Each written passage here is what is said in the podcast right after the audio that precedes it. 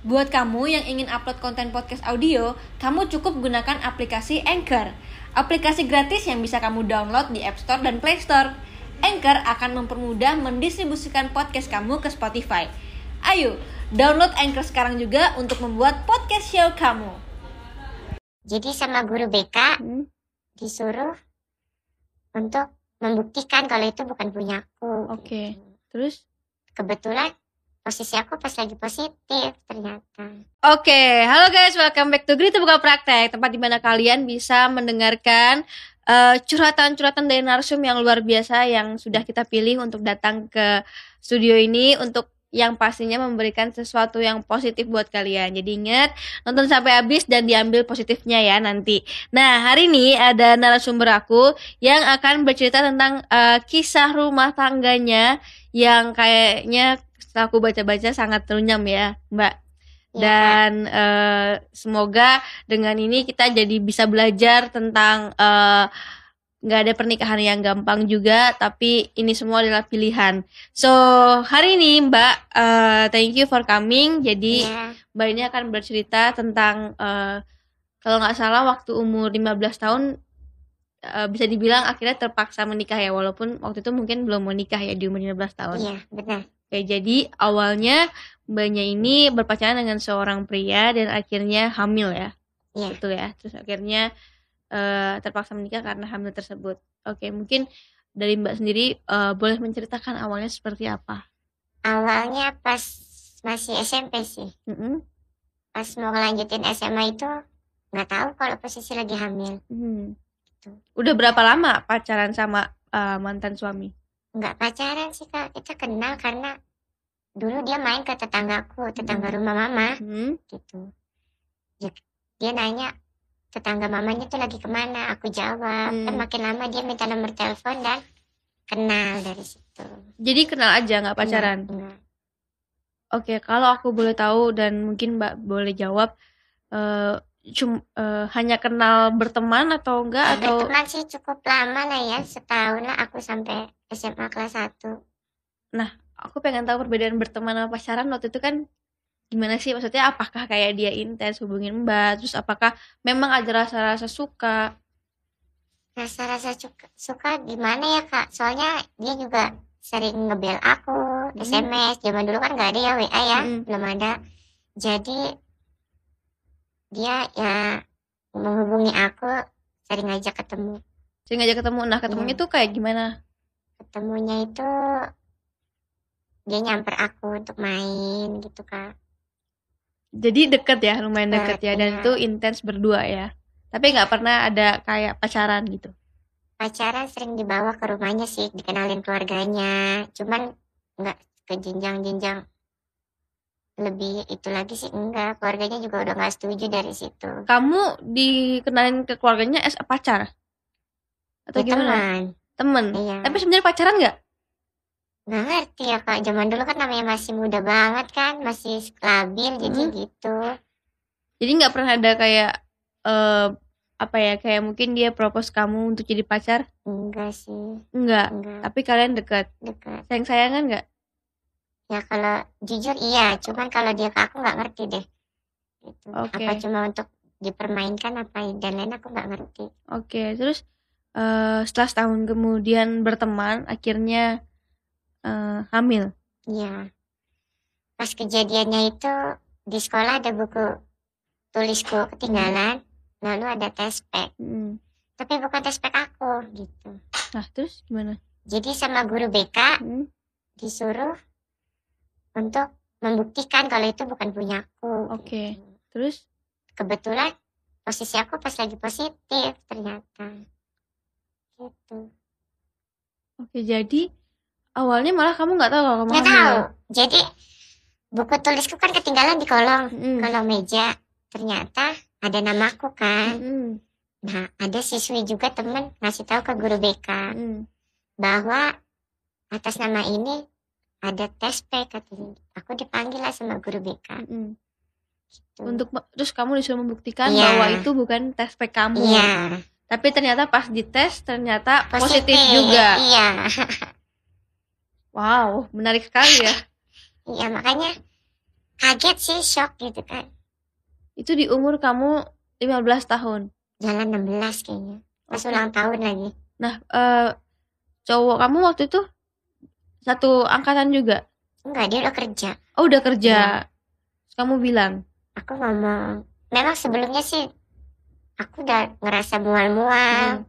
aku pikir memang masuk angin biasa kan setelah itu orang tua aku dipanggil ke sekolah akhirnya datang langsung aku ditanya sama siapa hmm.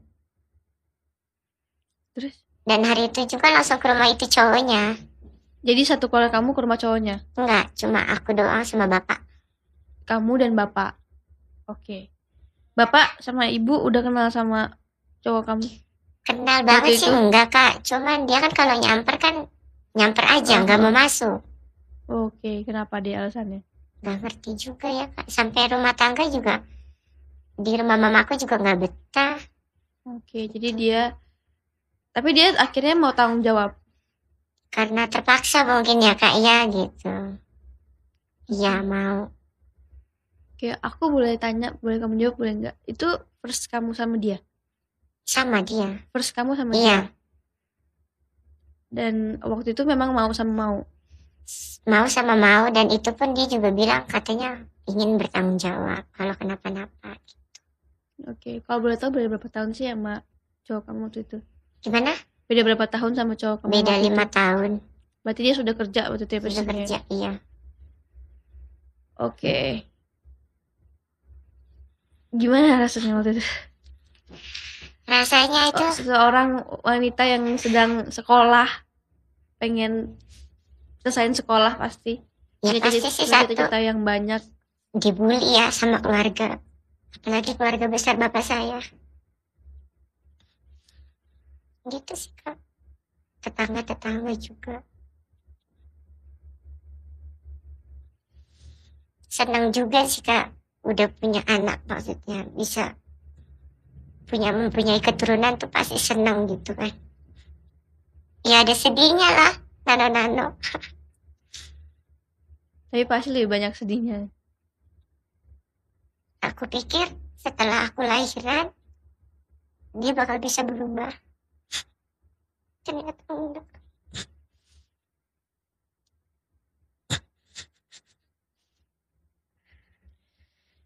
Oke sebelum itu mungkin kita flashback dulu kali ya. Jadi kamu nikah sama dia di usia kandungan kamu? Sekitar empat bulan. empat bulan dan akhirnya menikah? Ya, tapi well dia tanggung jawab kan pada tanggung akhirnya. jawab. oke. Tapi pasti ada penolakan dari keluarga sana? Mamanya sih yang nggak nggak selalu setuju tuh mamanya. Dari awal ya? Dari awal. dari kamu maksudnya ma- dari cuma main-main doang juga nggak setuju kan Enggak. Yang aku dibilang katanya aku koleksi cowok lah, yang inilah gitu.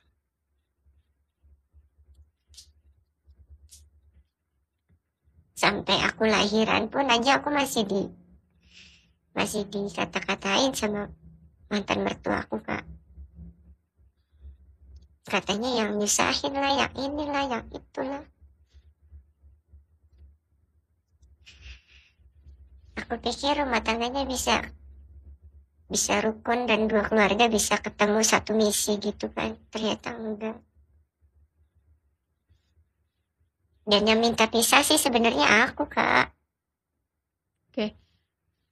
Mungkin teman-teman juga perlu tahu gimana uh, pernikahan itu berjalan. Menurut kamu kamu kan tadi bilang kamu sayang kamu suka sama dia. Well kalau orang jatuh cinta maksudnya kalau orang cewek sama cowok kan harus saling ya. Apa kamu ngerasain rasa sayang dia? Karena dia orang tipenya cuek jadi aku pikir ya, ya dia sayang gitu aja.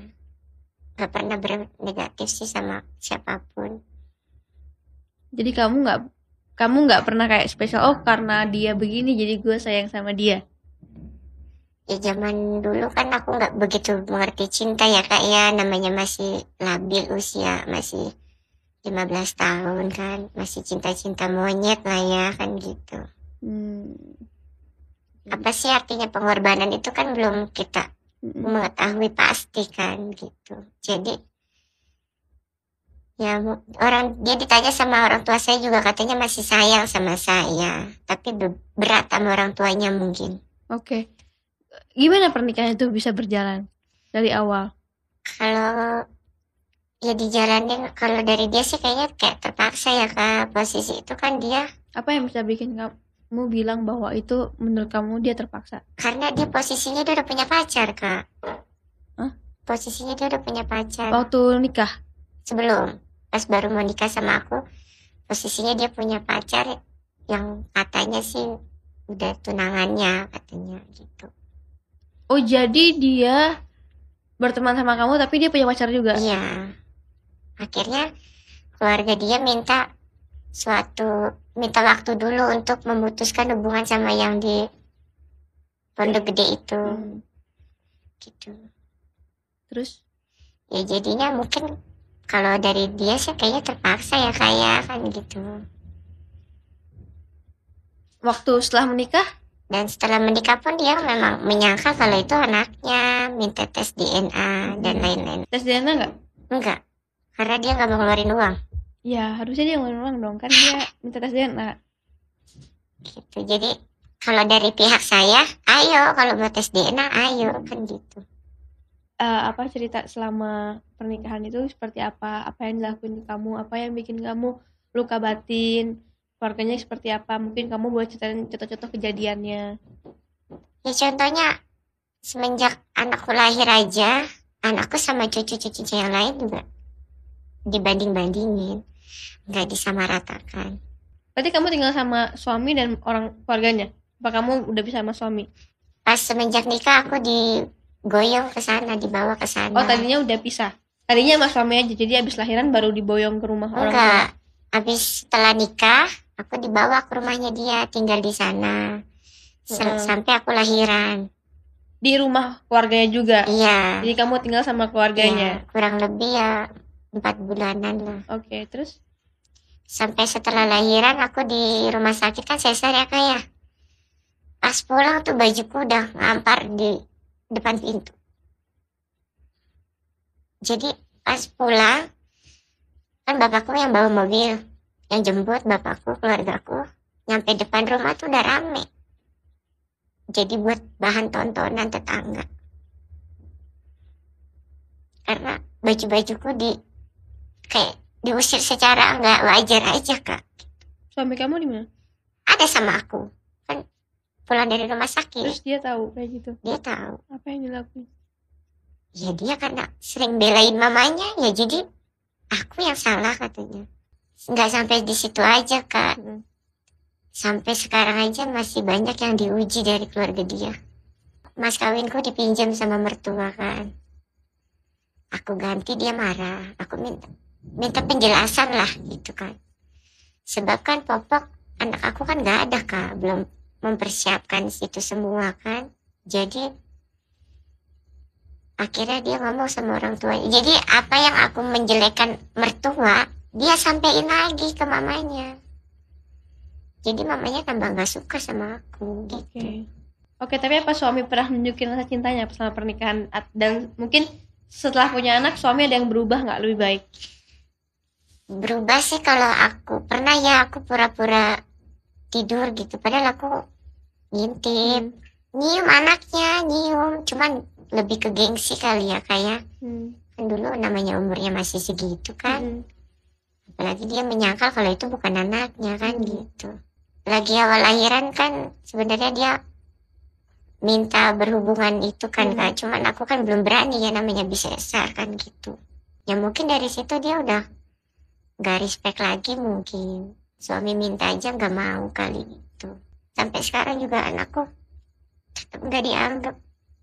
Putusan pengadilan aja juga dia ingkarin. Aku nggak pernah marah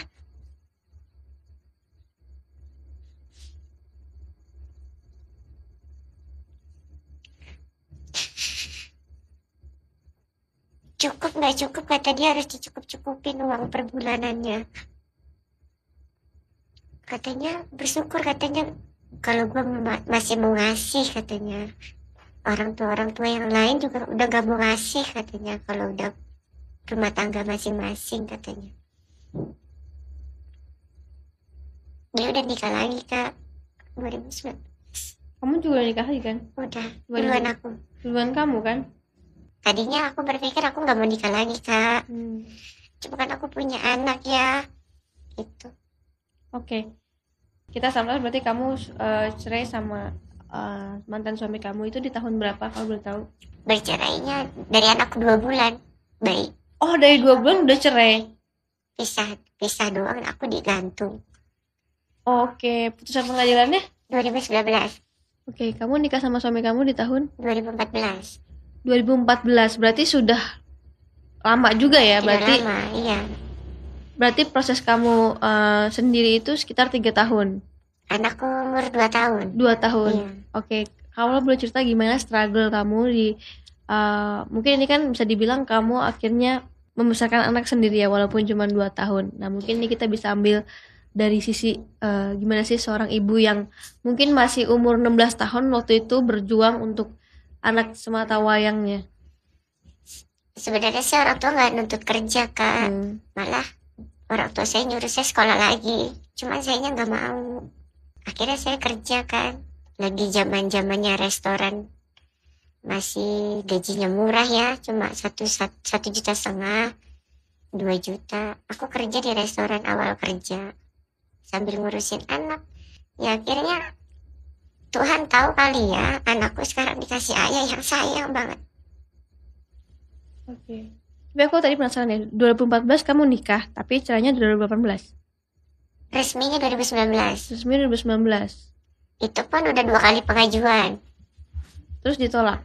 nggak ditolak kak aku dibohongin sama pihak mereka kan aku bilang kalau misal aku udah nggak nuntut surat cerai kataku kan kalau memang mau diurus urus silahkan aku ngomong gitu kan terus tapi aku nggak mau ngeluarin uang kataku daripada uangnya buat persidangan aku mendingan buat anak kan aku ngomong gitu akhirnya dia yang ngurus uangnya cuman aku yang gugat Hmm.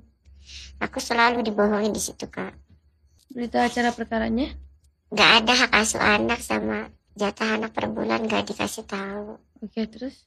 Aku diajarin sama pengacara yang ketemu di pengadilan kan Hmm. kak aku bikin BAP-nya salah katanya udah kamu cabut aja bilang sama hakim rujuk katanya gitu Oke, terus? soalnya kata pengacara yang ngasih tahu aku saya lagi ngurusin klien yang anaknya dibawa kabur sama mantan suaminya Hmm. gitu. Jadi sewaktu-waktu bisa diculik secara paksa katanya gitu. Akhirnya aku cabut, aku bilang aku rujuk, Hmm. buku nikah semua sama aku kan, nah gitu. Akhirnya cerai 2019. Jadi Tapi posisi kamu sudah menikah lagi. aku sudah menikah lagi. Nah, kalau yang ini kan kamu bilang eh, beda banget kan ya, dan kamu ngerasa mungkin disayang. Apa yang beda? Dia peduli sama anak aku. Terus? Hal kecil aja lah ya kak, namanya ayah sambu. Ngurusin anak yang bukan anak kandungnya kan pasti susah lah kak kan gitu. Kalau dia mau enggak, Ketemu di mana? dikenalin sih dicomblangin sama teman eh tak taunya jodoh Oke, kalau kita bahas pernikahan yang sekarang nih kan eh mungkin masa lalu mbaknya ini adalah sebuah pelajaran yang luar biasa juga di umur 15 tahun eh, melakukan sebuah kesalahan dan akhirnya terpaksa menikah tapi ya balik lagi mbak sudah bertanggung jawab. Iya. jadi ibu yang baik ibu yang bertanggung jawab juga. Dan akhirnya ketemu sama se- seorang atau sosok yang dikirim Tuhan eh yang baik gitu. Nah itu eh menurut mbak sendiri pelajaran apa sih yang bisa diambil? Lebih kebahagiaan kali ya kayak aku lebih kalau kebahagiaan susah dicari kalau uang masih bisa dicari kalau harta berarti dalam berarti waktu nikah itu umurnya masih muda juga ya? 18 tahun? Udah 7 19 tahun? Iya bisa. Iya. 19 tahun ya? Suaminya umur? Suamiku udah sama-sama bawa anak sih kak. Oh. Cuman udah- agak umur. Maksudnya lagi itu dia umur 30 apa ya? Hmm, jadi sama-sama bawa anak ya? Iya. Tapi ya balik lagi, semua itu adalah eh resiko dari apa yang kita lakuin. Jadi mungkin buat perempuan-perempuan juga jangan gampang terpana sama buaya laki-laki. Yang tadi aku juga dengar bahwa nggak ada kata pacaran nggak ada maksudnya nggak ada kata oke okay, eh, kita komitmen gitu. Rasanya nggak ada tadi ya kalau aku dengar. Jadi jangan sampai kita terbuai juga mau dibodohin juga karena aku yakin banget uh, kalau terjadi seperti mbak ini mostly kebanyakan itu pasti uh, perempuannya yang rugi. Tadi kan juga yeah. dibilang uh, direndahin sama keluarga laki-lakinya yeah. terus juga sama tetangga-tetangga juga. Itu pasti kan mental breakdown banget. Apalagi buat teman-teman yang masih uh, remaja ya masih SMP SMA please jaga dengan baik. Dan kalaupun memang terjadi dan itu harus bertanggung jawab karena itu semua adalah uh, apa yang sudah kita pilih waktu itu. Jadi jangan sampai menyesal dengan apa yang terjadi. Eh, herannya kak. Dia minta anak aku sekarang. Lagi ngedeketin anakku untuk sekolah di sana. Di sana tuh di mana? Di Bekasi. Oke. Okay. kataku lagi kecil ke mana? Gitu kan. Tapi kan itu mbak bisa fight dong kalau ya tadi yang mbak bilang mungkin dari kecil ke mana atau nggak pernah ngurusin atau kan nggak ada putusan pengadilan yang hak asuhnya jatuh ke tangan dia Iya, makanya nggak maksud aku gini loh kak. Kalau memang dia pengen anakku ada di sana, jangan selalu maunya tuh diantar, dijemput ke rumah lah baik-baik. Saya yeah. anak saya gitu. Yeah, Jadi kesannya kayak kita babunya dia gitu loh kak. Gitu. Tapi yeah. giliran kita nggak bawa ke sana, katanya minta duit ke sini, giliran anak gak pernah ditemuin gitu. Iya, jadi kalau aku boleh uh, kalau sekarang juga mbaknya juga harus ikhlas lah jangan jangan bilang ikhlas ya. ikhlas kak. Cuman kalau ngeliat flashback ya makanya itu adalah sebuah apa ya kalau dibilang adalah jalan hidup masing-masing gitu. Yang penting sekarang mbak bahagia sama uh, suami yang sekarang. Amin. terus juga anaknya juga bertumbuh dengan baik. Uh, dari mbak sendiri juga walaupun mereka nggak minta maaf Mbak harus berani untuk memaafkan mereka gitu. Memaafkan udah Mbak, Kak, cuman dianya berulah lagi. Kita bertemu orang Kak untuk pelajaran kan juga bisa. Ya anggap aja mereka untuk pelajaran hidup banyak juga gitu dan ini juga pelajaran juga buat yang nonton juga bahwa hati-hati dalam bertindak gitu kan harus tahu ada sebab itu ada akibatnya juga yeah. jadi kalau belum siap sama konsekuensinya jangan dilakuin karena udah jelas saya yakin pasti banyak tahu waktu itu ada konsekuensi ini gitu. Dan mbak iya. masih ngelakuin artinya ya harus bertanggung jawab juga tapi ya well udah bertanggung jawab juga gitu. Oke deh kalau gitu makasih ya mbak udah ya, sharing sama. juga dan teman-teman masih nonton video ini. Semoga ada pesan yang bisa diambil bahwa tidak boleh kita sebagai perempuan itu terlena dengan laki-laki terutama. Oke sampai ketemu di video berikutnya. Bye bye Nonton sampai habis ya. Makasih ya. Jangan lupa follow Instagram aku di sini dan nonton video lainnya di sini.